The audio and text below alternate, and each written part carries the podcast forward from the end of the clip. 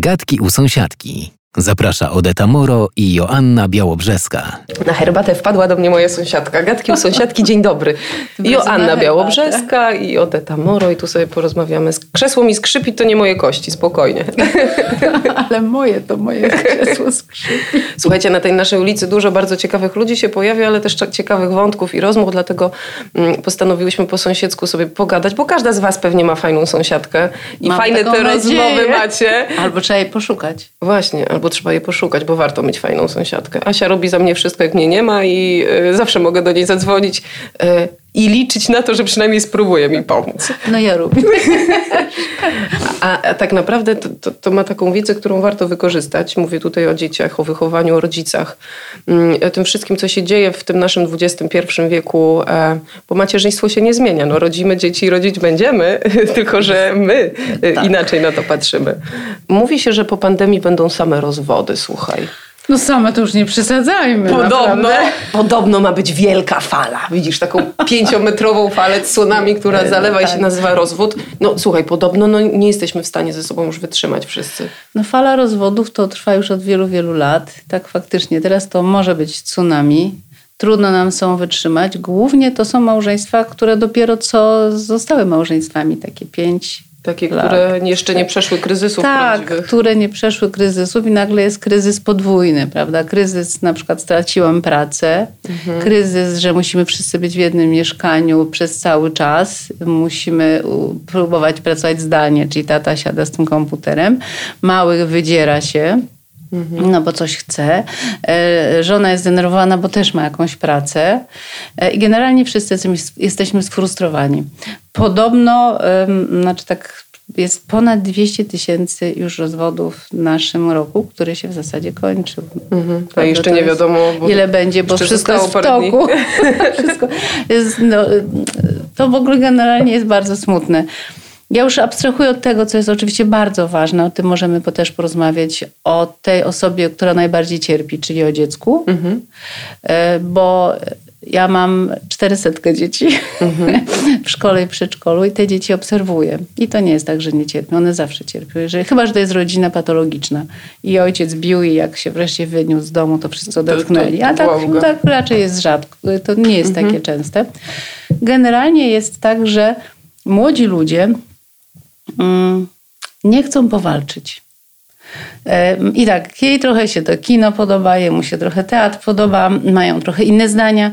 Też zobaczcie, jak my, jak my wychowujemy dzieci, mężczyzn, kobiety, prawda, że my nie potrafimy, ta młode pokolenie ma duży problem z taką, e, z konfrontowaniem się z problemem, z trudnościami. Nie podejmują E, rękawicy. Było, było dobrze, prawda? Tyle lat było dobrze. Ja przecież patrzę też na swoje dzieci. Ja, z- Maciek ma ponad 30 lat, no to, to i, i e, jakoś mam nadzieję, że z tym małżeństwie wytrzyma jak najdłużej i będą sobie żyli długo i szczęśliwie i do końca. Natomiast to są w ogóle młodzi ludzie, którzy nie przeszli wielu trudów.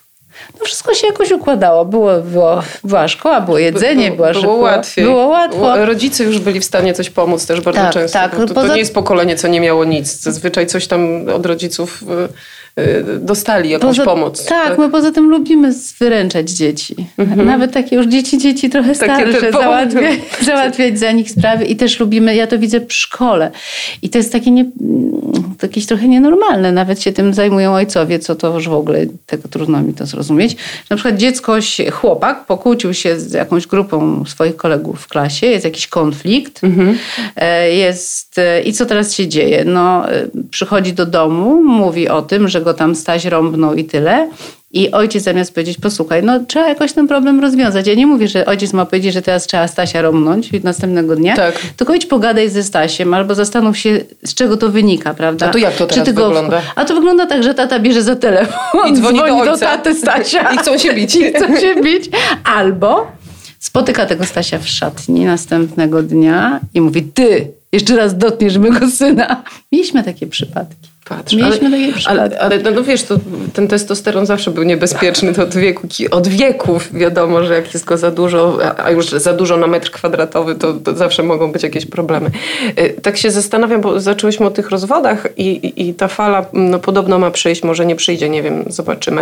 Y, Jak ci ludzie już podejmują te decyzje, że nie chcą być razem, to najczęściej jedyne, co im zostaje wspólne, to dziecko, o które jedno i drugie chce dbać, ale kompletnie chodzą, wiesz, jak po tafli lodu, nie wiedzą, jak się poruszać i jak to zrobić, żeby, bo siebie już skrzywdzili, ale jeszcze na końcu można skrzywdzić albo nie skrzywdzić dziecka. Czy taka, takie rozwiązanie nie skrzywdzić w ogóle istnieje? Znaczy, musimy się tego trzymać, że ono powinno istnieć, no bo są różne powody, których się musimy rozstać. Zakładam, że no, jednej i drugiej osobie nie jest tym dobrze, no ale jakoś... Są pary, są terapie, prawda? wiesz, mediacje. Tak, Czasami no, to trwa lata rozwiedli się, okej. Okay. No, nie osądzam, to jest ich jakby problem. Mhm. Natomiast y, muszą się bardzo poważnie zastanowić nad tym, jak będzie teraz w tym związku rozwiedzionym funkcjonowało ich dziecko albo ich dzieci. I ja widzę na przykład y, to trzy dni u mamy, trzy dni u taty, tam są książki, tam zostawił jakieś płyty, tak. tu jak jest u taty, to poszedł gdzieś na spacer, nie odrobił lekcji, jak jest u mamy, to coś się zadziało, prawda? Ten dzieciak jest tak rozchwiany, nie ma swojego miejsca. E, I z jednej strony jest ok, tak nam się wydaje, że mieszka trochę tu, mieszka trochę tam, ale czy, czy my byśmy chcieli mieszkać trochę tu i trochę mm -mm. tam, jako mm. dorośli? Ja nie wiem, no oczywiście, tak jak mówiłyśmy, no nie ma takiego złotego środka, ale trzeba może się zastanowić, czy niech mieszka w jednym miejscu, a niech gdzieś jeździ na jakieś, e, idzie na weekend. Nie, no nie wiem, nawet nie, nie, to jest strasznie trudne, bo to widać po tych dzieciach, jak one są takimi włóczęgami. One tu są, a już bardzo jest im trudno, kiedy idą do tamtego domu i tam też są dzieci, szczególnie jak to jest małe dziecko, takie mhm. 6, tak. 5 lat, 7 i one tak tego tego nie rozumieją. Tych, tutaj są dzieci, tam są dzieci, kto jest jakim dzieckiem, czyje to jest dziecko, jak to wygląda, to mamy, to tej pani, to tego pana, to tego taty, tak zwane patchworkowe rodziny. E, I też nie osądzam, bo życie różnie się musi potoczyć i musimy podejmować takie, a nie inne decyzje, ale spójrzmy oczami dziecka na taką sytuację wyobraźmy sobie, że my mamy 6 lat, mhm. nasi rodzice się rozeszli, mhm. e, teraz mamy być trochę tu, trochę tam.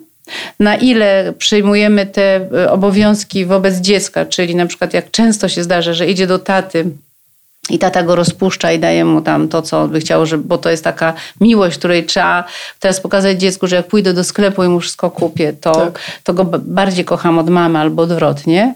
Więc y, to, to ten, ten Ale wiesz, ja pamiętam jest... jak ja się rozwodziłam, to jeden z psychologów, a tam paru ich było, z którymi rozmawiałam wtedy, powiedział mi, żebym sobie wyobraziła taką sytuację, w którym dziecko sobie nie wyobraża nic.